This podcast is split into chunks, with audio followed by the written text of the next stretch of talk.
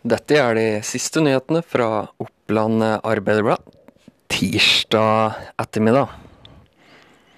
OA har fått eh, flere tips om eh, små skader på fasadesteinen på det nye rådhuset i Gjøvik. Det viser, seg at disse rapportene stemmer.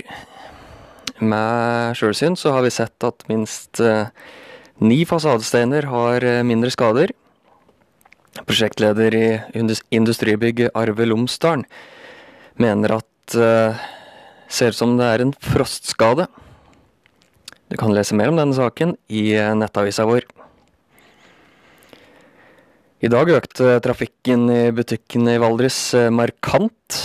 Fra onsdag er det ventet økende utfart, og det er jo fordi at en eh, stor del av eh, har jobba ferdig de tre virkedagene.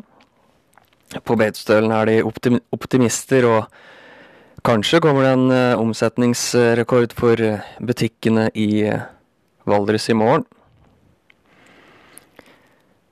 Det startet som sushirestauranten Akita Mat og Uteliv AS i Brandbu i 2015.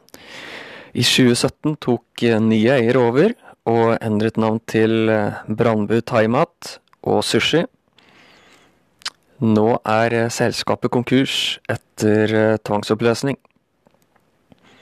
Der kan du lese mer om på nettsida vår. Følg med på oa.no for flere nyheter denne tirsdagen. Ha en fortsatt trivelig påske.